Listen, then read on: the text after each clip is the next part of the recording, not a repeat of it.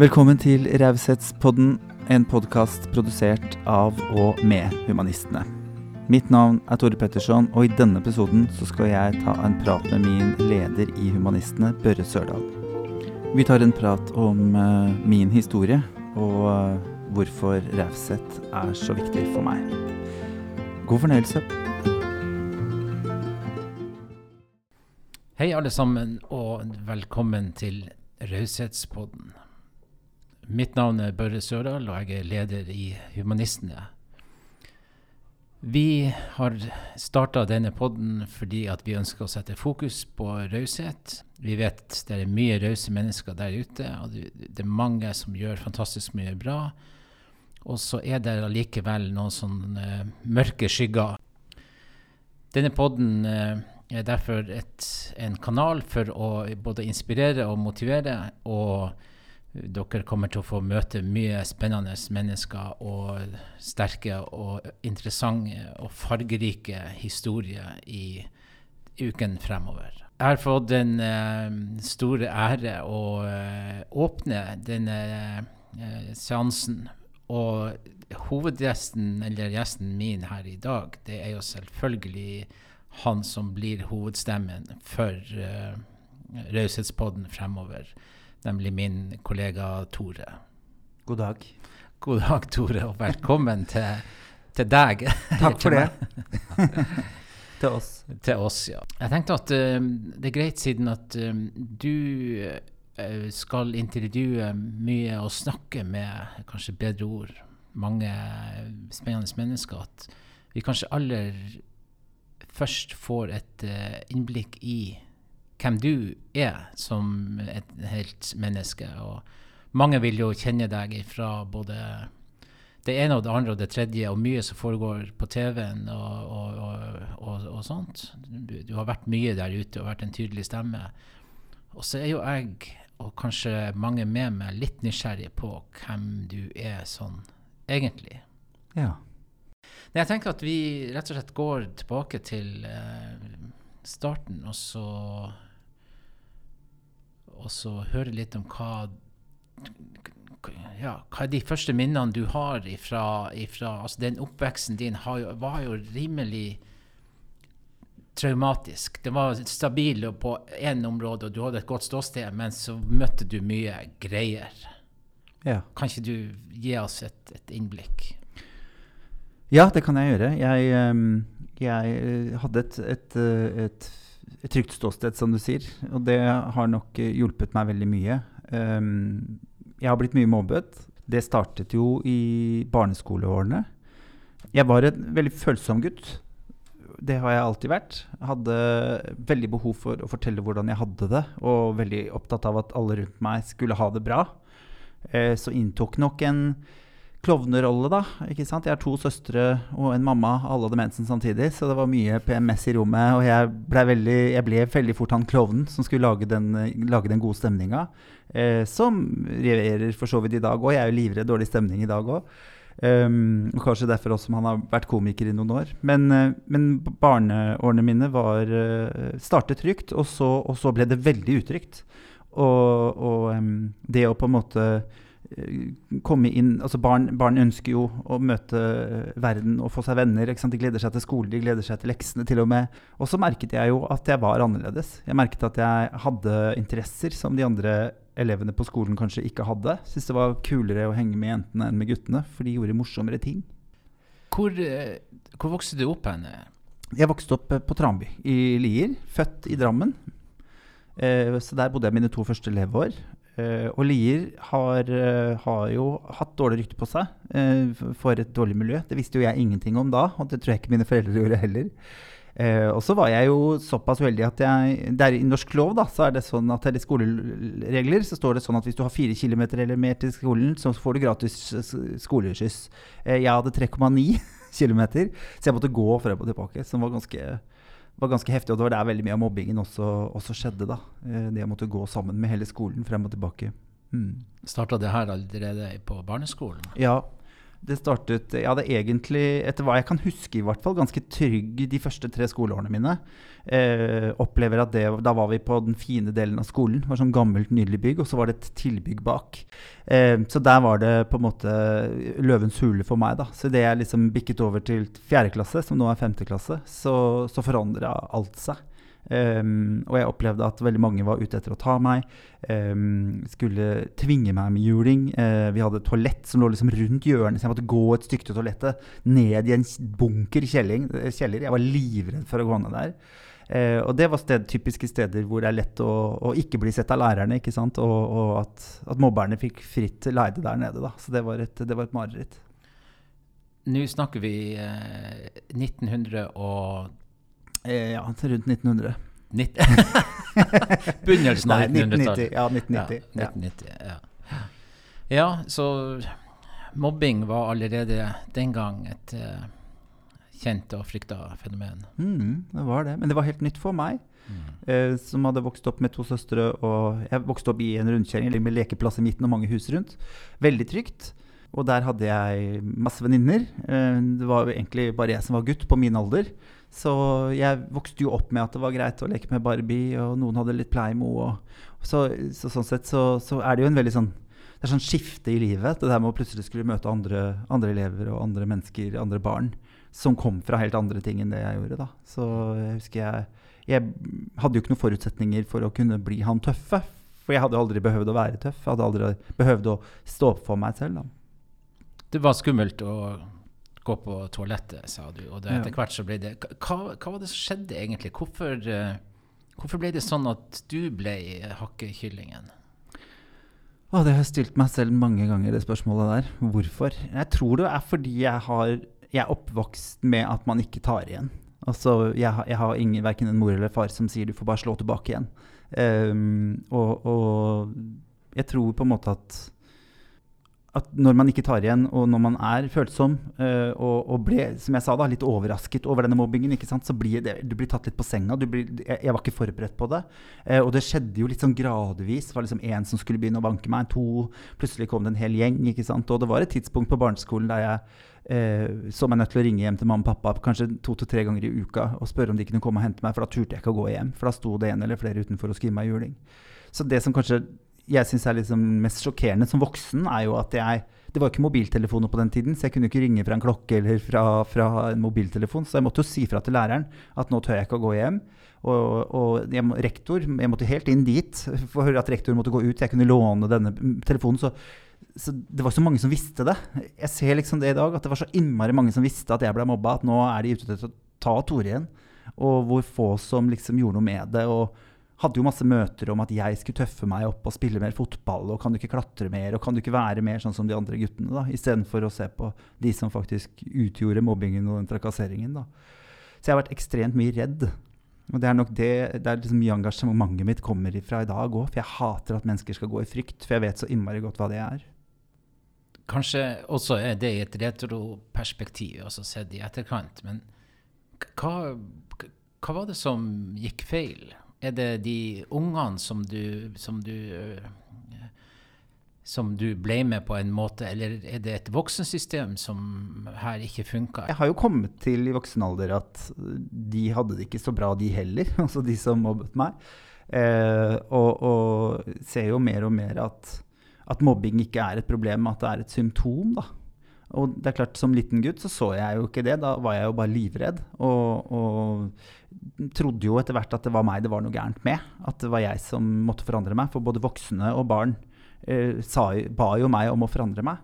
Så jeg er veldig glad. Jeg har jo hatt en mamma som sa ganske tidlig til meg at du våger ikke å forandre deg for at andre skal like deg. Og det, det tror jeg er ja, Jeg har liksom levd et helt liv hvor noen har prøvd å forandre meg. Uh, og jeg har aldri hørt på det. Og jeg tenker jo at det er derfor jeg har klart å komme så langt som det jeg har gjort òg, Fordi jeg hadde den støttingen og backingen i ryggen. Hvert fra, fra mamma, da, som er en veldig klar stemme for meg. Og hun møtte jo opp på skolen, og så jeg har jo ikke bare hatt voksenpersoner som ikke har funka rundt meg. Men, men, som min mor sier i dag, det er som å møte en vegg. Det var liksom Jo, men hva kan vi gjøre med Tore? Hvordan kan vi forandre han? Uh, og da står du litt aleine. Og de andre foreldrene i klassen sant, skjønte jo heller ikke helt Skal jeg begynne å forandre på barnet mitt? Det er jo det er, det er et vanskelig spørsmål ikke sant, å komme inn og si ungen din er dritt. Så, så går man jo fort til at nei, nei, nei, det, det, kan jo ikke stemme, for barnet mitt er jo bare helt fantastisk. Og jeg elsker barnet mitt og syns det er helt fantastisk. Som er kjempebra. Men, men, i det øyeblikket man liksom blokker øynene for at barna kan gjøre noe gærent, da, da, blir, det veldig, da blir det fort veldig gærent. Når begynte det å altså, Når begynte mobbinga å dreie seg om, mer om legning? Og, og du, du har fortalt meg i flere ganger vi har snakka om disse tingene, så har du sagt at, at på et tidspunkt så, så begynte du å, å, kle deg litt annerledes og, og, mm. og, enn de andre. Du var ikke sånn super mainstream, kan vi kanskje si. Nei, det begynte tidlig. Det begynte på, på, tidlig på barneskolen. Jeg, jeg, har to søstre, eldre søstre som jeg så veldig opp til. Syns at de kledde seg veldig, veldig kult. Um, og som ja, er morsomt i dag, for alle de klærne som jeg gikk i da, det er jo inn nå. nå skal jo alle ungdommene gå sånn. 90-tallslooken. Men, det, men det, var, nei, det var veldig tidlig. Det startet tidlig. Startet med, Vi hadde en som flyttet ifra Bærum. Han snakket veldig pent og var veldig pen i klærne. Det var vi jo ikke i Lier. Der var vi jo bondebarn alle sammen. Um, og han ble jo kalt homo med en gang. Så det som er interessant å se når man blir eldre, er jo at han trengte jo å skyve denne mobbingen over på noen andre. Han, I sin desperasjon da, ikke sant? Så, så, tenkte han hvis jeg kaller noen andre homo, så er det i hvert fall ingen som tror at jeg er det. Um, så ha, da fant han meg og tenkte da tar jeg han. Og han var jo en av de jeg var mest, mest redd for. da. Så, um, så, det var nok der, der det begynte. Uh, men den sånn veldig Som jeg liksom husker som en sånn 'din jævla homo', liksom, det var jo mer ungdomsskole. Mm. Og det mentale, tenker du, satte mentale dypere spor i deg enn det fysiske, de ja. fysiske overgrepene? Det har det vært. Jeg har vært heldig og fått uh, etter forholdene lite juling. Ut ifra hvor mye tvang eller mye, mye, frykt de har sendt, liksom, og, og truing med, med, å skulle gi meg juling, så fikk jeg lite bank. Men jeg fikk jo bank, og jeg, eh, jeg um, de tok og veldig mye sånn at de skulle ødelegge tingene mine, ødelegge bøkene mine. Tok gymbagen min og, og klærne mine. Jeg hadde fått ny uh, genser, og den sto de og tissa på. Og da ble det selvfølgelig en kjempeoppvask etterpå, da. Men hva, hva, kommer det ut av det, liksom? Når, når, det er det utgangspunktet barn, Det er det barn går til når de, når de skal heve seg, da. Hva som får unger til å oppføre seg sånn? Mange svar på det, sikkert. Men um, jeg tror fellesnevneren er utrygghet. Jeg tror jeg opplever at alle, alle, vi mennesker ønsker bekreftelse og anerkjennelse. Det er det vi ønsker fra vi er bitte små til vi går i grava Eh, på en måte. At, at, noen syns at livet ditt er verdt det. At noen ser deg. At noen syns at du er verdifull. Og jeg tror at hvis barn opplever å ikke ha det i oppveksten, så, så må de finne kontroll på et annet sted. Et annet, en annen måte å kjenne, kjenne verdet på. Og da er det veldig fort å gå på å tråkke andre mennesker ned. At da, da, kjenner jeg at jeg er i kontroll over situasjonen. Da. Så jeg ser jo for meg, og vet jo også litt historier om om disse mobberne i dag. Da, at, at, de kom fra mye utrygghet, det var mye rus. Uh, eller en, ja, enten eller så syns jeg ofte det er så viktig å legge litt vekt på det å sette veldig høye krav til barna sine. Det er veldig lett til å tro at alle som, alle som har barn som mobber eller, eller uh, tar dårlige valg, uh, kommer ifra rus og, og omsorgssvikt, liksom. Men, men, jeg opplever også at det er en like stor omsorgssvikt å kreve ekstremt mye barna. Du skal bli advokat eller lege, så du får bare stå på. For da må man også finne en eller annen måte hvor man kan ha kontroll over eget, sitt eget liv, fordi mamma og pappa styrer alt det andre. Og det å være best i klassen det kan gjøres på to måter. Enten må du jobbe beinhardt, eller så må du få de andre til å føle seg dårligere enn deg. Og jeg tror nok veldig mange av oss syns det er veldig behagelig å velge det siste. Men hvordan, eh, før vi går opp i tenårene, eh, har du noen gode minner fra eh, bursdagsselskap i klassen. og hva, Var det kult å være på bursdag med guttene? Uh, ja, nei, for, det er jo det. ikke sant? Jeg måtte jo være med guttene. Det var en sånn fenomen den gangen. For nå er jo i hvert fall veldig mange steder folk blir flinke til å si seg enten så inviterer du alle, eller så inviterer du ingen. Um, men så, på min tid så var det jo å invitere gutta på bursdag og jenter på bursdag. Jeg hata å være med gutta. Eh, for det var jo bare leke krig og se på krigsfilmer, holdt jeg på å si. Um, mens jeg syns jo fortsatt det var gøyere å kle opp en Barbie. Så det, jeg husker jeg sto liksom utenfor, et, utenfor, hekken på en måte og fikk lov å bare titte inn på hva jentene gjorde. Alle hadde pyntet seg i fine kjoler. Og, så, men var det utkledningsfest, så var jeg en av jentene, da. Jeg har dragga siden jeg var uh, omtrent fem år. det var liksom alltid det jeg hadde lyst til å kle meg ut som. Det var jo superflaks at du hadde to søstre og vokste opp i Hadde mye, og, uh, mye å låne av. Mm.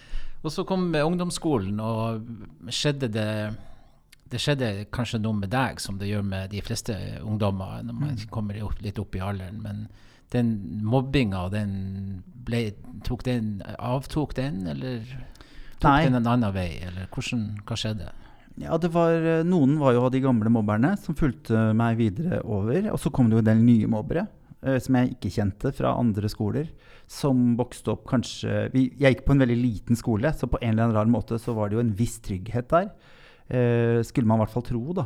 Men det er klart at de som gikk på Tranby ungdomsskole, barneskole, eh, hvor det var et mye tøffere miljø, eh, mer, mer eh, fattigdom eh, i, i, blokkene rundt der, sosialboliger og sånn, så der var det ganske hardt miljø. og De som hadde vokst opp der, de hadde jo en helt annen måte å, å mobbe på. da, Og mye hardere trusler. Kunne liksom stå og slå meg i trynet. og så jeg brukte jo ekstremt mye tid på å finne ut hvor jeg kunne gå til enhver tid. Og så skal jeg, hvordan kommer jeg meg til gymsalen utenfor juling og, og, den delen der, da. Så, men nei da, jeg tenker Jeg ser vel tilbake på Den langvarige frykten er liksom barneskole og ungdomsskole. Der var jeg, der var jeg ve veldig redd, i hvert fall første året. Ungdomsskole syns jeg var et forferdelig, forferdelig år.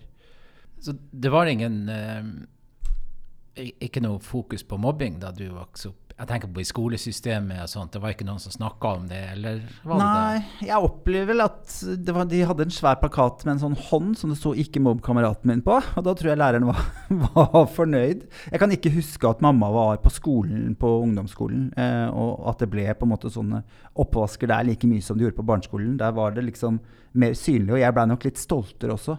Det har vært en av mine styrker og svakheter hele livet at jeg er veldig stolt. Jeg er veldig tapper biter tenna sammen, holder tårene tilbake igjen og skal late som om alt er bra. Det er nok klovnen i meg da, som skal lage gode, den gode, denne gode stemninga hele tida. Så det skulle liksom aldri gå inn på meg. Og, um, så ja, nei. Uh, det var uh, Det var den plakaten. Uh, jeg kan ikke huske at vi snakket om mobbing, liksom. At det var et tema. Det var sånn Den klassen er det mye mobbing i. Den klassen er det mindre mobbing i. Jeg var jo heldig og gikk i livssynsklasse. Så der var det eh, både mange som ble tatt ut i religionstimen for å, å ha andre, andre, ting, og lærte morsmål og sånn. Og så var det en del kunstnere som gikk der. Så jeg var jo sånn sett ganske heldig at jeg fikk være i hvert fall med de hyggeligste folka på skolen. da. Selv om jeg måtte jo ut i, ut i friminuttet med alle de andre. Tore, du, er, du har kanskje en, en, eh, anelse om at jeg er en god del eldre enn deg. Ja, det er ikke mye. Eh, takk. Det, jeg håpa du skulle si akkurat det. Men jeg husker at det var mye fokus på mobbing på mm. tidlig 90-tall og 80-tall og sånt. Og så eh, vet jeg jo at du har holdt masse foredrag mm. på skoler for elever, men også for skoleadministrasjoner og lærere og det systemet. Stemmer og verden, og når vi nå ser og leser litt aviser og ser på, snakker med ungdom i dag, så virker det jo ikke som at vi er kommet så utrolig mye lenger enn vi var på 80-90-tallet. Nei, jeg tror det er mange grunner til det. Um, jeg tror at mobbingen har flyttet seg. Jeg tror det skjer mye mer anonym mobbing. Blikking, som de kaller det, som er et veldig sånn ungdomsord. Uh, utfrysing, ikke sant? det har det jo alltid vært mye av. Men, men, det er klart at det å bli fryst ut på skolen, og så kan du gå hjem, og så er det på en måte over, og så får vi se hvordan det går i morgen. Uh, nå får man liksom Man blir fulgt etter da, gjennom sosiale medier, gjennom snapper. Se så gøy vi har det. Um, jeg hørte en historie nå om en jentegjeng som lagde en felles messenger, sånn at alle skulle få være med. Foreldrene syntes det var en god idé. Så da begynner jo disse jentene, da, alle bortsett fra én, og snakke på en annen Messenger, ikke sant? Og, eller på Snap, da, og invitere hverandre. Og så sender de masse snapper til da, den, den, siste jenta for å vise henne at ikke hun får være med. Og det er en forferdelig måte å bli mobbet og frystet på, ikke sant? Hvor gammel var du da du skjønte at du eh, sto i et skap? 15, tror jeg. Ja. Um, da flyttet denne bergenske gutten eh, til nabolaget mitt. Og jeg husker jeg var helt sånn psycho-forelska. Altså sånn stalker-forelska. Satt utafor huset forelska. Liksom, jeg var helt oppslukt i dette mennesket. Og da var det på en måte ikke noe Da var det ikke noe tvil lenger. Men jeg visste jo ikke hva homo var. Jeg, hadde, jeg, møtte ikke en homo som jeg visste var homo, da, eh, før jeg var 16 år. Så jeg var ganske voksen. I dag opplever jeg jo at barn, liksom, de aller fleste i hvert fall, har møtt en homo, har en onkel som er det, noen venner fra barneskolen. Altså, at, at, veldig mange barn i hvert fall blir, blir, um, får lov å møte homofile tidligere. Men jeg gjorde ikke det, så jeg visste på en måte ikke helt hva det var. Um, så det er klart at, uh, at, det å skulle identifisere seg med noe som egentlig bare handler om kjærlighet og forelskelse, og at det skal ha et ord, og det er noe andre mennesker skal blande seg opp i, var, var vanskelig for meg. Men jeg var nok ja, 15 år. Da klarte jeg ikke å, jeg ikke å skjule det lenger. Da øh, følte du kanskje at dette skapet ble litt trangt over mm. skuldrene, og at du eh, For du var jo en kraftkar allerede den gang, med på nærmere to meter. Ja, i hvert fall høyden. Jeg var ganske tynn. 17 kg med tung ryggsekk, som det sies. ja. Men så Og så ble du Bestemte du deg for at nå skal jeg gjøre det, eller bare ble det sånn folk oppdaga og så hvem du var? Jeg tror nok at de aller fleste visste at jeg var homo lenge før jeg skjønte det. Um, så Nei, det som egentlig eh, skjedde, er jo at jeg, jeg, begynte å danse. Som jeg ser på i dag som en av de største redningene i mitt liv. Eh, for det første så slapp jeg å være med på fester og sånn, for der fikk jeg jo alltid juling. Jeg måtte jo dras ut bak veien et par ganger inn i en bil og bare få meg ut derfra, for jeg møtte opp folk med balltre og kjetting, ikke sant, for å hadde hørt at jeg var der. Så, så, det å slippe å gå på fest fordi det er liksom rart, Man forholder seg jo til det som man kan se, og det som er rett framfor seg. Så for mine venner som ikke var homo, som ikke hadde det problemet med bank, så inviterte jo de meg, og de tenkte aldri på det. At vi må være, hold, kanskje holde litt kjeft om det når Tore kommer. Altså, dette var en kamp jeg på en måte kjempet helt alene, da. Men så, så da, da, slapp jeg å gå på de festene, for jeg skulle alltid ha konkurranse, eller alltid trene. ikke sant? Så det, og det var også første gangen hvor jeg hørte at jeg var god i noe. fordi det var heller ikke skolen spesielt gode på å bygge opp, liksom. Jeg var ikke god i det man skulle være god i. Så der husker jeg et sånt tvillingpar som danset sammen, som gikk forbi når jeg danset og sa 'han der blir god'. Og det bare er sånn innprenta i kroppen min at det var liksom første gangen jeg hørte at jeg også kunne bli god i noe. da. Altså det er jo veldig, Nå går vi jo snart over i, i alle de lykkelige suksesshistoriene og, og de, mm. masse av det fantastiske du har, eh, du har for utretta etter hvert. Eh, men balltre og kjetting, det høres for meg ikke ut som eh, mobbing eller homohets. Det høres ut som hat. Ja, det kan godt være at de hata meg. Det hvor, hvor det kommer I all verden? Nei, jeg veit ikke. Jeg kan se for meg at det gir en enorm følelse av samhold for dem. Det, felles fiende? Ja, felles fiende. Vi tar han. Uh, og jeg vet jo at det er flere som de var ute etter. Men, men uh, Og jeg var jo litt provokatør. Jeg danset jo og, og underholdte på alle skolesamlinger. Og jeg var jo ikke en stille type. Jeg, no, det er jo to måter å håndtere dette på. Noen prøver å bli usynlig, og noen gjør seg veldig synlig. Så jeg begynte å kle meg enda rarere enn jeg hadde gjort tidligere. Og det handler nok litt om at jeg For meg var det liksom sånn En uke hadde jeg kanskje fått en ny bukse som var kul, og da fikk jeg ikke juling, for da var det sånn jøss, så kul bukse. Og så uka etter så måtte den vaskes, og da fikk jeg juling igjen. Altså, jeg, jeg kjente at jeg bare levde med en sånn derre eh, Kanskje jeg får juling i dag, kanskje jeg ikke gjør det. Så det som ble mitt resultat, var at jeg bare OK, da kjører vi på med slengbukser og kjoler og bare er helt freak, for da skal alle banke deg hele tida. Mm. Og det tror jeg ikke alle skjønner, at det er tryggere for da må du alltid være på vakt, enn å av og til være på jakt. Og den å plutselig få seg en på trynet uten at du hadde forventet det, er et mye større sjokk. Da, og det orka jeg ikke å leve med. Så jeg begynte jo å bli mer og mer, og mer outrert. Og det tror jeg var egentlig litt derfor jeg fortalte også om dansingen. fordi der skjedde det noe med meg. Jeg, jeg fikk en, en, en, tro på meg som, som, ikke hadde vært der tidligere. Da. Jeg trodde liksom jeg var ubrukelig på alle områder, siden skolen var flink til å bygge under det på både karakterer og tilbakemeldinger. Eh, men at jeg kan også bli god i noe, liksom gjorde at jeg fant en eller annen sånn kraft da, til, å, til, å, tørre å skille meg ut. Og skape en litt tryggere hverdag. Da. Jeg pleier å kalle det en maske. da. Jeg skrev et dikt en gang som handler om det, om, om at bak masken så får jeg gro. Her, her, inne er jeg trygg. Her, hvis du spytter på meg Når jeg har på meg alt dette her greiene Jeg hadde jo hundebånd og netting og svære, kjempehøye 20 eh, cm platåsko. Jeg var ganske artig. Skjørt og Eh, men inni der så visste jo jeg at jeg var meg. sånn at alt det drittet som kom, det handlet liksom om alt som var utenpå. Og så føler jeg at jeg fikk lov og tid til å gro og bli meg inni, inni der, da. Inni den rare blomsten. Mm. En siste ting før vi forlater skolen. Du, det hendte jo at du ble innkalt på, si, på, på rektors kontor uh, pga. mobbing. Mm. Men da faktisk ikke som mobber. Ja, det kan du si. Eh, jeg er jo fortsatt fly forbanna for at mobbeoffer må være med, være med, i de møtene. Jeg opplevde det som en kjempestor straff. Um, og det var hele tiden 'Hvordan kan vi fikse, Tore? Kan vi, hva kan vi gjøre for at uh, Og jeg husker etter at jeg fikk juling, ironisk nok fordi en fyr trodde at jeg hadde tatt dama hans. Og da ble det det møtet, og da husker jeg liksom han var litt sånn spak da moren hans var med, og så sier han ja, vi kan jo godt bli venner. Og da husker jeg mamma sa sånn nei, min sønn skal ikke ha en venn som deg. Og det også har liksom satt seg veldig i meg. Det har vært noen sånne klare setninger innimellom da, som har gjort store forskjeller for meg. Nei, det er jo helt sant. Jeg har ikke noe lyst til å være venn med han som har behov for å trøkke andre mennesker ned. Er det ikke meg, så er det noen andre. Så, men ja, nei, jeg var mye på disse møtene, og jeg følte det som en kjempestraff at jeg måtte sitte der og snakke med snakker med rektor og med mobberne, og jeg oppfordrer alltid til å ta, prøve å høre med mobberen hva er det som er gærent. Hva, hva er grunnen til at du trenger å tråkke folk ned, og ikke bland, bland mobbeoffer inn i det. Vi trenger også å snakkes med, og vi, og vi, trenger å backes, men på helt andre måter enn å måtte sitte der slukøra og få enda mer juling etterpå. ikke sant? Så går eh, årene, og du flytter til storbyen Drammen? Ja, jeg gjorde det en uh, stund jobbet i et uh, kondomeri. Uh, og, Passende. ja, var det ikke det? og de syntes jo liksom det var gøy, for hadde, da hadde jeg lilla hår, husker jeg. Og hadde klippet i stykker og sydd sammen en strikkeagenser uh, og noe greier. Og gikk jo med masse sånn gøye strømpebukser på hendene, sånn som Ja, de gjør jo det igjen i dag.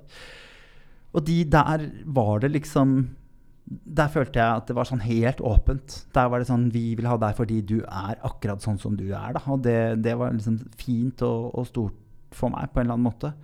Eh, og rett før det også var jeg jo russ. Og i min russetid så hang jeg veldig lite på den skolen jeg var på. EQ musikklinja, eh, hvor det også var mye freaks, for så vidt. Eh, men da begynte jeg å henge utenfor liksom Drammen gym, som var liksom veldig realfag og kontorfag og sånn. Og de syntes jo jeg var sirkus, ikke sant. De syntes jo det var så gøy å ha med meg. Uh, men da husker jeg, da var jeg 18 år, og første gangen jeg fikk et kompliment for utseendet mitt at det var um, uh, Og møtte også en, en homo da, som ble litt forelsket i meg. Da husker jeg jeg trodde at han tulla første gangen. For jeg har liksom bare fått dritt. Så det, det, da skjedde det store ting i livet mitt. Forandra mye. Så etter hvert starta Jeg vet ikke om det var spranget fra kondomeriet til å bli foredragsholder mm. som i begynnelsen av 20-årene.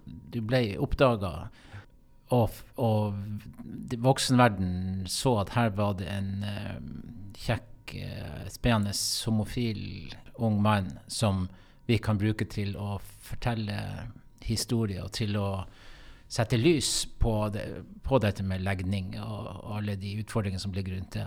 Stemmer det. En venninne av meg um, jobbet som lærer beintøft miljø. Og så hadde hun én gutt i klassen som hun var ganske sikker på var homo. Så hun sa jeg, jeg trenger at noen kommer inn og snakker om det. Så da jeg, møtte jeg opp på iskald uh, togstasjon um, og ble hentet og var supernervøs. Og hadde laget av dette foredraget om hvordan det var å være meg. Snakket om hvordan det var å stå fram som homo. Fortalte om um, hvordan det var å gå på byen første gangen, ha sex første gangen. Altså alle de tingene som, som de snakker om. Jeg husker jeg starta hele forholdet med å si hei, jeg er en jævla homo. Hvis dere skal bruke det ordet, så er det meg dere snakker om. Jeg vil at dere skal vite hva det er. Og selv om halvparten satt med sånn nazitegn og var veldig sånn demonstrative, så, så, fikk de liksom til med seg, og kanskje spesielt han ene, da, som hun trodde var, var homofil, liksom, som lata som han ikke fulgte med, men som jeg merka liksom var veldig konsentrert.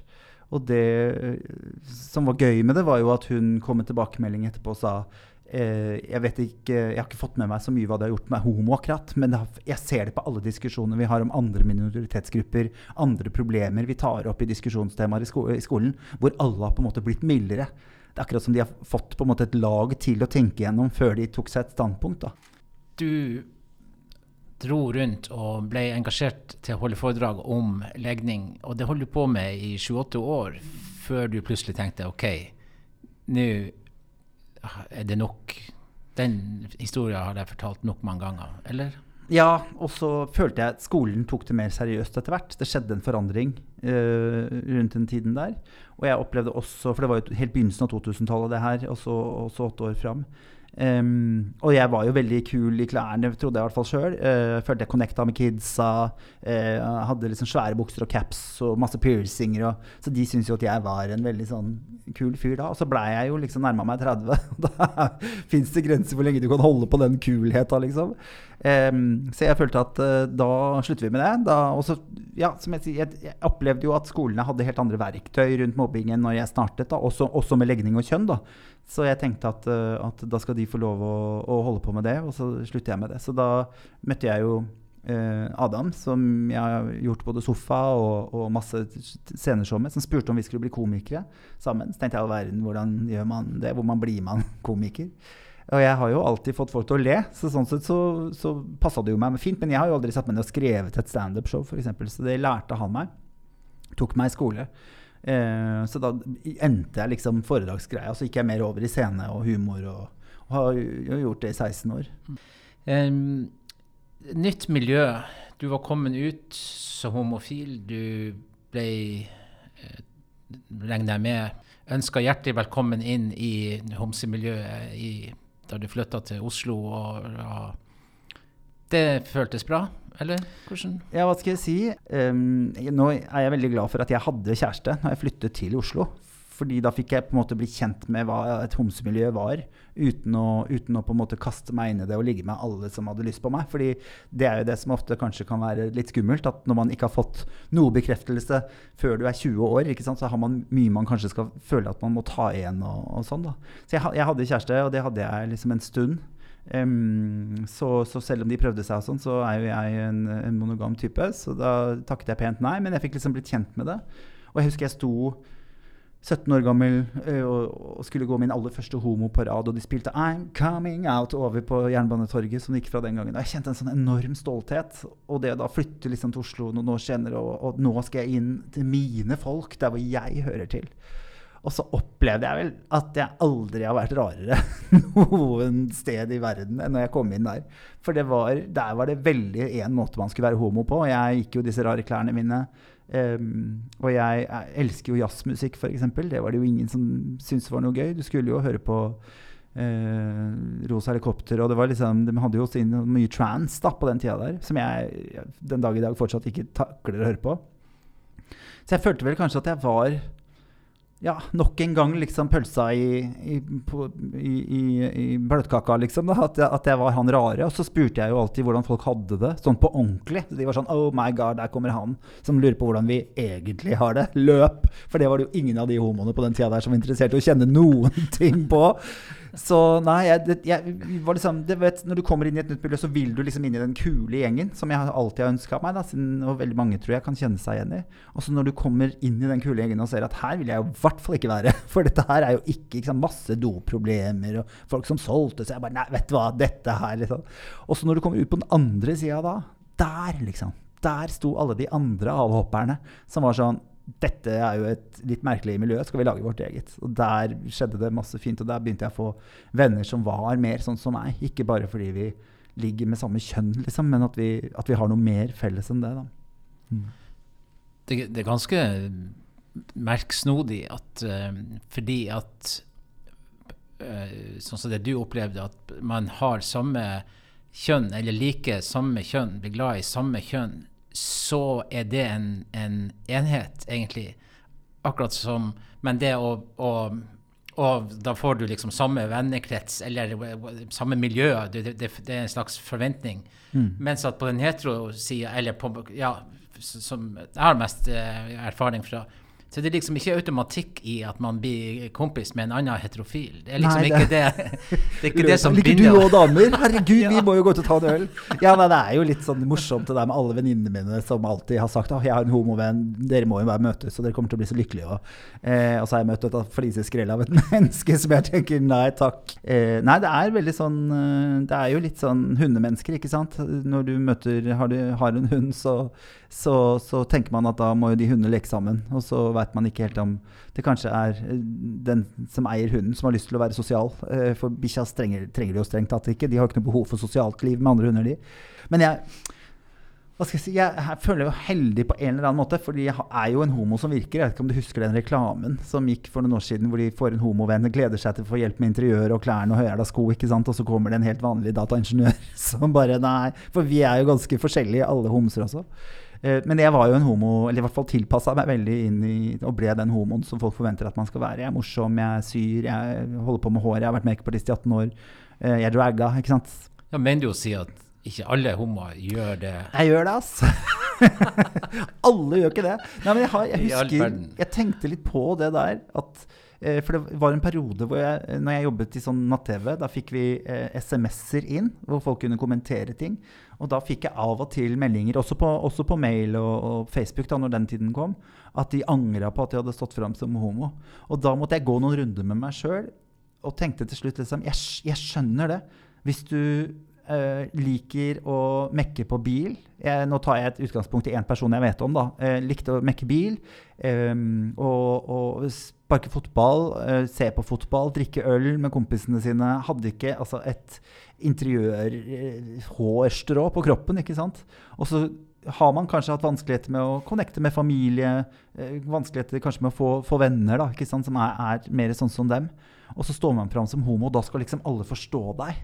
'Å, er du homo?' Men herregud, ja, men da er det jo ja, men Det var godt du sa. Fordi da kan vi gå på shopping og drikke champagne sammen. ikke sant? Og de er sånn Aldri tatt i en champagneflaske i hele mitt liv. Vet ikke hva gardiner skal brukes til. Så det er liksom et eller annet med at vi uansett på en måte hvor teit det er at man må stå fram fra et skap, liksom den dagen min mor spurte er du homo satt midt, Vi satt og spiste lunsj, og jeg var midt i en kaffeslurk når hun spurte, så jeg ble litt sjokka. For hun spurte så plutselig, og jeg var sånn Ja! Uten, for da hadde jeg jo sagt det til mange andre, og var jo åpen for andre enn mamma, pappa og familien min, som var de siste som fikk vite det. Eh, og, og, det å få lov å stå fram, altså, det, det unner jeg alle. I hvert fall sånn som jeg opplevde det. At, at, de skal få lov å oppleve det sånn som jeg gjorde. Å, jeg, var, jeg, var, så glad. Jeg tror jeg måtte liksom holde meg fast. Hvis ikke så hadde jeg bare flaksa ut i universet. Liksom. Jeg, var, jeg, var, så høy på livet. og jeg, jeg syns det var så, så, fint. Så jeg opplever liksom Jeg pleier å si at feir heller det enn bursdag. Bursdag blir du bare gammel av, det gidder vi ikke. Men den dagen du sto fram liksom, som skeiv, det å få lov å være deg, og der, der livet starter der, liksom. Da har du funnet ut OK, da vet jeg hvem jeg forelsker meg i. Uh, da er jeg ferdig med det. Sånn jeg opplevde det i hvert fall. Da, det, er, det, er så, liksom, det, er, ikke det viktigste med meg. Uh, enn andre mennesker som da går gjennom et helt liv ikke sant, og undrer på hvem er jeg, hva føler jeg. Det er jo mange som bruker mye tid på det. Så jeg tenker kom ut som mann og nordlending og alt mulig. Det er helt vidunderlig. Men jeg tror at noen unge eh, sliter veldig med å fortelle det, f.eks. til mamma og pappa.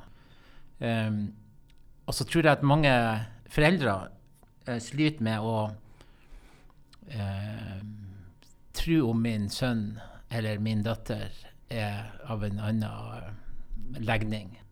Hva, det er ganske heftige Og så, og så, er det litt sånn at du ble jo møtt helt fantastisk mm. på det området som du sa. Ja, det gjorde jeg. Ja. Men, men, for noen så er, det, så er, det, skikkelig utfordrende.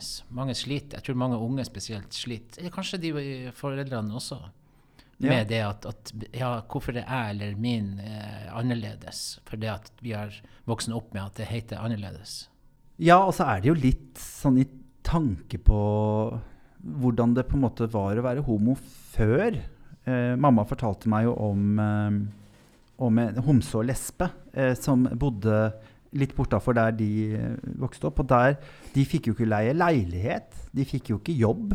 Så de bodde på fjøset sammen med geitene og sauene. Um, og det er klart at uh, Når det er mammas utgangspunkt i at det finnes skeive mennesker, så skjønner jeg jo at noen foreldre kan bli bekymra. Men når det er sagt, så syns jeg det er rart å få barn å bestemme seg på forhånd på hva de skal bli. Fordi vi er jo helt forskjellige mennesker alle sammen. Og det å få barn uten å tenke den tanken at de kan bli skeive, de kan, være, de kan være et annet kjønn, de kan være øh, Ja, de kan, de kan, ende opp som alt mulig. Vi, vi, blir jo det vi blir. Jeg tenker at Det viktigste er jo å møte barn akkurat der de er. Møte, møte barn som det mennesket de er. da. Eh, som, det, som, det, aller viktigste. Jeg skjønner jo at uh, vi nordlendinger og uh, hom, homsa Rart ord. Mm. Uh, har mer til felles enn jeg, jeg, visste. For vi har begge vært stigmatisert. Og, og ingen, ingen, ville leie ut hus for 30 år siden i hovedstaden til, til eh, bl.a. nordlendinger, og kanskje homser, og noen andre grupper som vi elsker å stigmatisere. Ja. er fantastisk. Vi er jo kommet litt lenger. Eller Ja vi er kommet mye lenger på noen områder. Det har vi. Også majoriteten har jo uh, tatt til vettet. Det er det som er så fint. Og jeg tror at det som er viktig å huske i all sånn type kamp, som også homokamp har vært, og kvinnekamp og. Kvinnene trenger mennene for å få de rettighetene, vi har. Vi homofile trenger heterofile.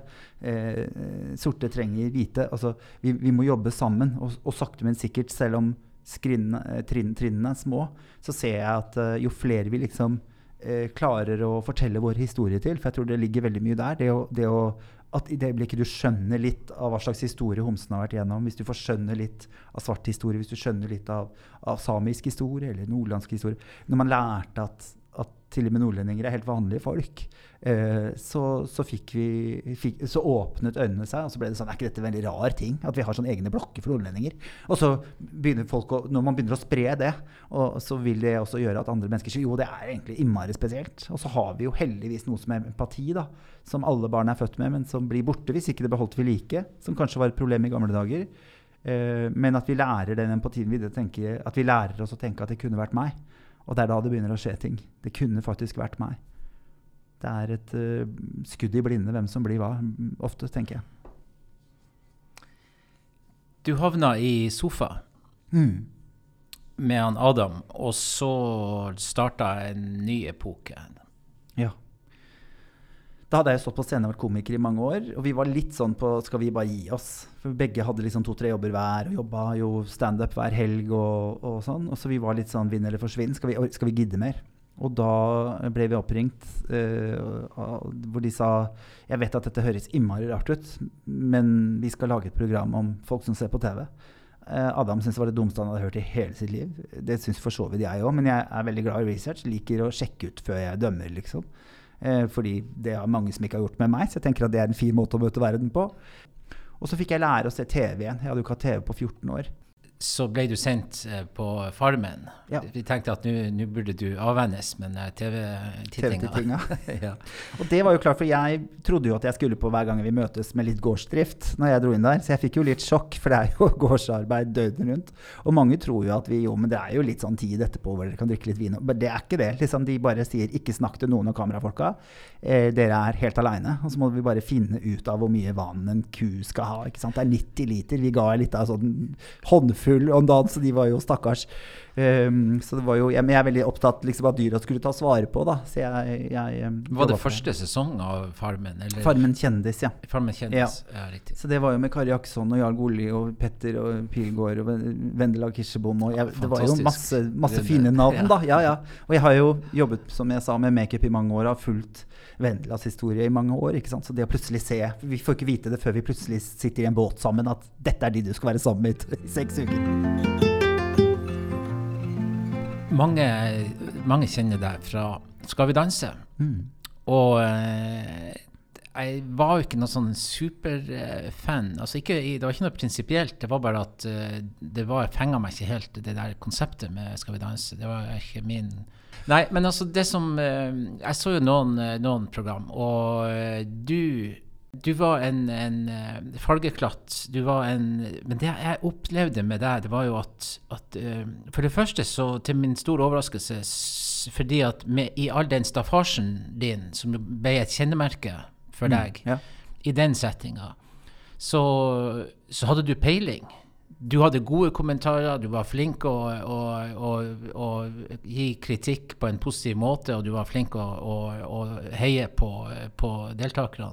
Så det var jo en eh, det var, det, Jeg syns det var noe av årsaken til at, at jeg var interessert, litt interessert i det programmet, nemlig å, å høre de refleksjonene som du ga til de forskjellige. Så du har jo Men du gjorde, du gjorde en bra jobb der i mange år. Takk. Ja, jeg fikk være der i fem år. Og det var eh, altså for meg som likte å kle meg ut fra jeg var yngre.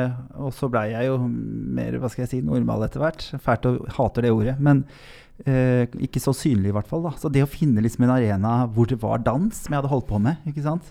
Um, men jeg fikk liksom mitt sted å være hvor jeg kunne kle meg i gøye klær, og så var det helt ok. At det var Grand Prix hver lørdag, liksom. Det å få lov å være med på festen hver gang og, og, og, sitte og heie på deltakerne. For det var jo litt den rollen jeg valgte å ta. da, At, at jeg ikke skulle bruke danseterminologi. Jeg syns at det er Merete og, og Trine Delle Kleve mye bedre på enn meg. De, jo, de, holder jo fortsatt på. Nå er det jo mange år siden jeg dansa. Så det å snakke liksom til det uttrykket jeg ser, og, og, la følelsene få lov å styre, da. Jeg er jo følsom jeg er veldig opptatt av følelser. Så, så, jeg følte at jeg kunne ikke tatt noen annen rolle heller, liksom. Og, og, heie på de som er der. At jeg vil så innmari at dere skal gjøre det bra. Jeg, jeg, jeg kommer til å sitte og leite etter hva er det jeg syns er fint. Um, men det var noen ganger hvor jeg rett og slett blei så tom for ord at jeg begynte å snakke danseterm. Da. Uh, for du skal jo sitte der tolv uker tolv lørdager med da tolv, elleve, ti, ni. Um, så det er, ganske, det er, mye som skal sies, og da går man jo av og til litt tomt. Så da snakka jeg plutselig litt, og da husker jeg liksom Merete snudde seg rundt og bare Fader, liksom, jeg glemmer at du kan dette. Fordi jeg gjorde jo det med vilje, og ikke gikk inn og skulle gjøre For jeg, jeg syns det, det, er fint at vi er helt forskjellige karakterer. Og det å kunne få lov å snakke med hjertet er, er, mye viktigere og mye finere for meg enn å skulle sitte og flotte meg med flotte danseord. Så det har vært fem helt fantastiske år. år som, som, eh, og så tror jeg danserne, både proffene og de andre, var veldig glad for at jeg var der. da. Fordi jeg lå jo ofte en poeng over de andre dommerne, eller kanskje til og med to. På tross av at jeg aldri visste hva de andre skulle gi. Så det var ikke noe sånn at vi planla det på forhånd, liksom. men ja, når du setter, det, det, det, er jo halvtomt og halvfull glass. da, ikke sant? Om du setter deg og skal se etter feil, eller om du setter deg og ser etter hva som er bra, så blir jo karakterene deretter, tenker jeg. Du fikk, eh, og vi går jo nå fram mot uh, slutten av denne episoden, eller kanskje vi skal si begynnelsen av neste episode. Mm. Um, men du fikk etter hvert uh, mye oppdrag. Du ble en populær foredragsholder, har reist land og strand rundt. Um, og mye av det har eller En god del har jo vært ting som har med bedriftskultur å gjøre, og som har med skoler og uh, ungdom å, gjøre. Og, ja, du kan si noen, noen ord om det, og så, og så fram til 12. mars i fjor. Ja, jeg startet uh, Jeg hadde jo holdt disse foredragene før, og jeg uh, er jo glad i å prate. Jeg vet ikke om du har fått med deg det? Nei, det kom som et sjokk. Men jeg har også alltid vært veldig opptatt av å ikke bare prate for å prate. Jeg er veldig glad i at ja, du kan godt snakke mye, men det må ikke være tomprat. da. Og det startet egentlig rundt sofa. Vi skulle se et program om, om mobbing der som tok helt knekken på meg. Um, og så begynte det å komme meldinger. Facebook, Instagram masse mennesker som sa 'herregud, jeg kjenner igjen din historie'. Takk for at du tok opp dette. Takk for at du turte å snakke om det. Og det som overrasket meg, var at veldig mange var unge. Jeg trodde jo at skolen hadde helt andre verktøy. Jeg trodde jo at nå snakker man jo om mobbing. Nå tar man jo det på alvor. Nå og så stemte ikke det. Jeg opplevde ikke det. Jeg fikk liksom rundt 400 meldinger første, første natta etter jeg gikk på TV. Så begynte det å dukke opp litt sånn Dagbladet-intervju om det, var i magasinet, snakket om historien min, og da kom det enda flere meldinger. Um, og da tenkte jeg herregud, jeg må ut og snakke jeg må, jeg må, ut og fortelle denne til flere tid. Det er ikke alle som ser på sofa, det er ikke alle som leser Dagbladet. Hva om jeg kan stå ansikt til ansikt med dem og fortelle min historie? og det tenker Jeg skole, jeg skulle ønske skolene liksom var enda flinkere til å, til å, ta inn folk som har opplevd. For det er nok derfor jeg kjenner at det, det ble den suksessen det ble. At jeg kom inn med en historie som var min. Eh, og en historie mm, som handlet om meg og mine mobbere. Som de kunne forholde seg til. da. Og noen har jeg selvfølgelig fått tilbakemelding på jo, jo, om dette skjedde for lenge siden, men, men, sannheten er at dette skjer veldig mange steder. Og, og, flere skoler jeg kommer inn på, så sier de jo her har vi ikke mobbing, og her er det så godt miljø. Og så ser du elevene, og jeg får melding av elevene etterpå som sier bare det er helt jævlig her. Og det gjør jo bare, det blir det viktigere og viktigere for meg for å holde disse foredragene og få lov å snakke. Kanskje spesielt til voksne. da. Foreldre, lærere. Jeg, jeg syns mye ansvaret ligger der. Ungdom er et resultat av det de har blitt lært. Så jeg tenker jo Et barn som mobber og får kjeft for det for første gang, tror jeg tror jeg opplever det som en kjempekrenkelse og et kjempesjokk. Hvis, for du trodde jo at det var sånn som var greit. Du har kanskje vært sånn at søsknene dine eller søsknene dine har vært sånn mot deg, eller pappa har slengt dritt til mora di. Altså alle disse tingene har de lært et sted. Og så, og så, kommer de inn, og så gjør de ikke noe som er feil. De gjør noe som er feil på en måte i forhold til de reglene vi har om at man ikke skal mobbe og mobbe. Men for et barn er det helt nytt. da.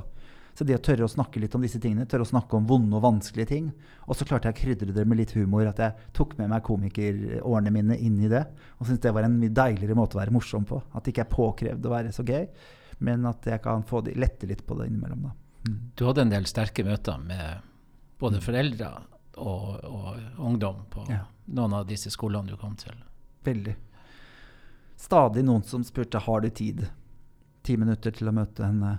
Kunne du tatt en prat med han? Um, ofte så var det jo mye selfies og sånn. Det er jo liksom det fine med å ha vært litt på TV, er jo at det trekker litt folk. Og noen kommer dit egentlig bare for å ta et bilde, også, men så får de med seg noe bra på veien, tenker jeg da. Um, men ofte så var det masse mennesker og mye sånt liv, og etter hvert som det begynte å tømme seg for folk, så var det alltid noen som sto litt i utekant og kom nærmere og nærmere. Og der har jeg hatt noen ekstremt sterke møter. Um, hvor jeg har fått høre historier om hvor jævlig mennesker kan være med hverandre. Og hvor forferdelig dårlige valg noen mennesker kan ta for, på vegne av barna sine.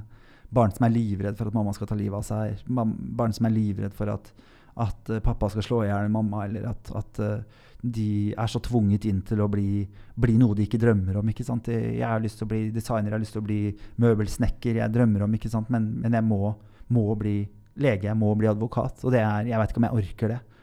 Og så klarer de ikke å finne sin plass. Og det er jo ja, det å få lov å ta den praten med de Jeg vet jo at hjernen utvikler seg jo ikke før det er 25. Så de øyeblikket liksom, fra 20 til 25 begynner du å kunne se framover. For ungdom ser bare i dag. Det er derfor ting blir så stort når du blir dumpa ikke sant? eller får en dårlig karakter.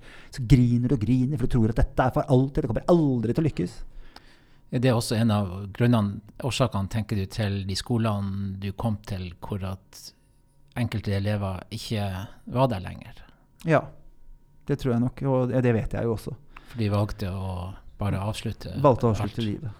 Og det Ja, jeg har opplevd ja, faktisk overraskende mange ganger at det er mammaer og pappaer til barn som ikke er her lenger, som har hentet meg, som er med i denne organisasjonen, som leier meg inn eller et eller annet.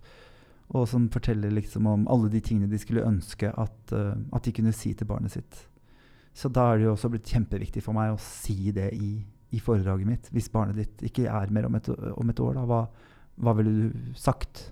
Til dem for å få dem til å ikke, ikke Ville du fortsatt mast på den matteprøva? Ville du fortsatt mast på at de skulle bli advokat eller lege? Eller ville du sagt det viktigste for meg er at du elsker den du vil, finner et yrke du er lykkelig i, og, og, orker å leve? For det håper og tror jeg at de aller fleste foreldre innerst inne egentlig ønsker for barna sine. Altså, du hadde masse foredrag. Eh, 12. mars eh, 2020 kom eh, plutselig. og verden Punkt én stoppa opp mm. for din del. Og punkt to etter hvert førte deg inn på en helt annen vei. Ja. Fortell, fortell. Fortell, fortell. Ja, kort fortalt. Jeg mistet vel uh, nesten nesten 60 foredrag um, 12.3. Jeg var på vei til Trondheim, skulle holde et foredrag på Hell Hotel. Og fikk en melding av hun som hjelper meg med booking og sånn, og sier bare du kan bare snu alt der. Og jeg var sånn, jeg gønner på til jeg ikke får lov å jobbe lenger. Så jeg sa jeg blir med, jeg er med, vi får holde avstand, dette går bra.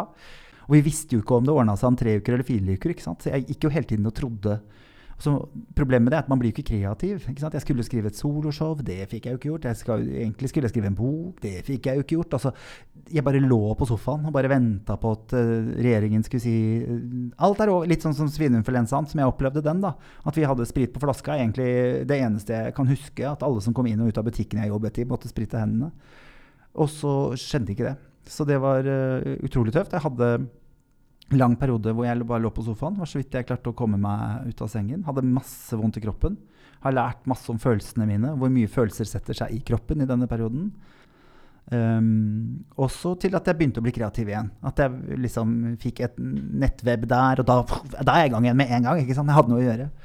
Um, og så har jeg hele tiden tenkt at uh, ja, kan jeg ha liksom Kan jeg ha 200 reisedøgn i året?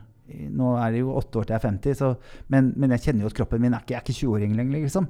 Så da fikk jeg jo eh, en fantastisk hyggelig mail eh, om, eh, om med, med, med, tilbud om et samarbeid, eh, kanskje, eller, eller, jobb. Det var veldig åpent. Hva, hva kunne du tenke deg? Fra deg, da. Flaks ja, for meg. som hadde hørt en, eh, en podi jeg hadde gjort, og snakket litt om det engasjementet jeg har hatt de siste fem årene. og og fikk lov å komme inn i, i varmen eh, hos, hos, humanistene, som, eh, som, står for så mye fint. Og som, jeg, som gjorde veldig gjenklang liksom, i, det, i, det, jeg allerede på en måte hadde jobbet med. da. Du sier 'komme inn i varmen'. Jeg, jeg, må si at, eh, Og det er jo fint, det er jo hyggelig at du sier. Og så føler jeg at du er kommet inn med varme. Ja, så hyggelig. Eh, så det er jo eh, Hva var det med humanistene som eh, Hva var det med den, den beskjeden eller den meldinga du fikk som tenkte at oi, det her må vi sjekke ut? Ja, det jeg husker best, var at dere, nå vi, jobber for et rausere samfunn. Det satte seg veldig hos meg. Ja, vi må ha mer raushet. Vi, vi, vi må ha mer raushet. Det å være raus med hverandre for meg betyr å være åpen. Det å ha plass til feil. Det å ha rom for at, at vi har forskjellige tanker og meninger om ting. Jeg tenker at Hvis vi, hvis vi alle liksom hadde bare fått litt mer raushet, så ville alle eh, fått det litt bedre. Det der å ta, ta valg med tanke på at det skal gagne flere enn deg sjøl, liksom har vært kjempeviktig for meg lenge. Og det å få lov å komme inn i et team med hjertefolk, team med mennesker som, som brenner for bra ting, og kjenne at jeg ikke lenger behøver å stå aleine, men å få lov å være en del av noe større, da, uh, var nok det som gjorde at jeg kjente at, uh, at dette kan bli spennende. Og sabla skummelt, men, men mest spennende. Skummelt på en sånn deilig måte. Ja, det er jo skummelt på en deilig måte. Men det er klart jeg har vært selvstendig næringsdrivende i åtte år, og det er, det er noe med å, å, å skulle gjøre noe hver dag. Da. Jeg har jo vært så eh, heldig at jeg har hatt sånn to ukers periode hvor jeg ikke gjør noe. ikke sant? Og nå, nå er det dette jeg skal gjøre. Men, men det gir livet mitt mening, da. Og det er ikke bare en jobb hvor du stikker og så drar du hjem. Det er en jobb som jeg kjenner sitter i kroppen hele døgnet. Jeg tenker på hva vi kan gjøre. Jeg, og det å ha lov til å påvirke også, er, ja, det betyr mye for meg. Som din sjef mm. Så kan jeg nå gå ut ifra at du jobber hver dag nå, altså. Det gjør jeg. Hver eneste dag. veldig bra. Ja. Ja, eh, vi snakker om, om raushet, og vi, vi Du tror at det er mulig å smitte folk med raushet, og, og eh, inspirere folk til å ville bli mer raus? Det det er noen som blander raushet med det vi for mange år siden, det må være 20 år siden, kalte for snillisme. Ja. Altså at man, man Ja da, alt er lov, og du kan Ja, vi er så snille, og vi er alle greie. Men, men raushet er egentlig Eller det er noe helt annet. Ja, fordi i ordet raushet, i hvert fall for meg, så ligger det en begrensning. Jeg mener at jeg skal på en måte ha en frihet helt til den friheten går utover deg. og det å på en måte tilpasse seg innenfor det, er, raushet for meg. Jeg skal, ikke, jeg skal ikke ta valg som gjør at ditt liv får mindre verdi, eller at ditt liv ikke, ikke blir like bra som mitt. Så jeg, det er jo ikke, det er jo ikke kampen om anarki, på en måte. Men det å bare gi hverandre the benefit of the doubt. Det er sånn vanskelig for å finne et norsk ord på det. Det å, å hele tiden tenke at liksom folk gjør faktisk så godt de kan. Ut ifra sine forutsetninger, vel å merke. Vi har jo veldig forskjellige forutsetninger. Det å møte mennesker med at alle har en historie. Du har din historie, jeg har min. Og, og hvis jeg spør, så kanskje du forteller meg litt om det, og så kan jeg begynne å forstå. da. For jeg tror raushet er forståelse. Raushet er um, spørsmål, undring, mer enn dømming. Da. Mm. Det å møte nye folk og tenke at dette er en, eh, dette er en bra person. Ja, så opplever jeg det så konkret, fordi vi er jo dømmende mennesker alle sammen. De aller fleste av oss. Jeg også har jo dømt folk og snakka dritt, liksom. Skal ikke sitte her på noe høy hest, jeg. Og du har jo til og med dømt folk på, på dansegulvet. Jeg har jo det, ikke sant? Så jeg har til og med blitt betalt for å dømme folk. Men det er, liksom, det, er så, det er så lett å gjøre noe med, fordi det er så in your face. Det er, så, det er der. Hver gang du går forbi noen, uh, og før kanskje tenkte noe negativt, og tenkte sånn åh, der er hun som er sånn typisk vestkantjente, der er han som er sånn typisk megler, der er de som er sånn typisk narkiser, eller hippier, eller altså alle de meningene vi har om ting, da. Røyker sikkert hasj og har sikkert ikke jobb, og alle det der. Og bare kunne Det er så konkret. Det er så bare sånn Snu den. Ta deg selv i det. Prøv å øve deg på det. For jeg tror at rause mennesker er lykkeligere mennesker. Jeg tror det å ikke forurense tankene sine med negative tanker om andre mennesker, gjør deg generelt lykkeligere. Og gir deg mer overskudd. Og jeg tror også at og opplever at folk liker bedre rause folk. Nå har eh, du vært veldig sentral i å utvikle konseptet Raushetspodden. Ja. Og det er jo en Vi har veldig stor tro på det her i Humanistene. Du blir veldig viktig. Du er allerede veldig godt i gang med å invitere spennende folk. Eh, vi skal snart i gang med alle opptakene. og, og, og eh, det aner meg ut ifra det du har fortalt om enkelte av de personene som står på, på invitasjonslista, at dette kommer til å bli ganske gøy. Hva, hva tenker du eh, sånn avslutningsvis om Raushetspodden? Hva hva er det som gir, gir, deg så mye med å jobbe med det som et hovedprosjekt? Og hva du, hva du forventer, hva du drømmer om at de her gjestene våre skal bidra med i kampen for en bedre verden? Ja, det er litt, som, det er litt med raushet som med solidaritet, opplever jeg. Vi er veldig flinke til å snakke om det. Vi er veldig flinke til å snakke om menneskeverd, og så snakker vi veldig lite om hva det betyr i praksis. Så det jeg drømmer om, og det som er liksom håpet for Raushetsboden, er at vi skal lære nye måter å være rause på. At vi skal klare å strekke det begrepet ut, sånn at vi kan treffe alle på en eller annen måte. Og tenke sånn det, Sånn har ikke jeg tenkt før. Eller å jøss, ja, nei, sånn går det jo også an å være raus. Det fins jo økonomisk raushet, det fins eh, kjærlighetsraushet, politisk raushet. Det fins eh, så mange, mange, mange. Og, og, og det er kanskje de tingene vi tenker på først. Og så gleder jeg meg til å høre andre måter å være vise raushet på. For jeg tror, eh, jeg tror vi alle prøver å være rausere enn det vi strengt tatt klarer. Så det å få noen eh, tips på det, håper jeg kan gjøre at vi smitter folk med, med mer raushet. At de tar litt andre valg etter å ha hørt litt på podene våre.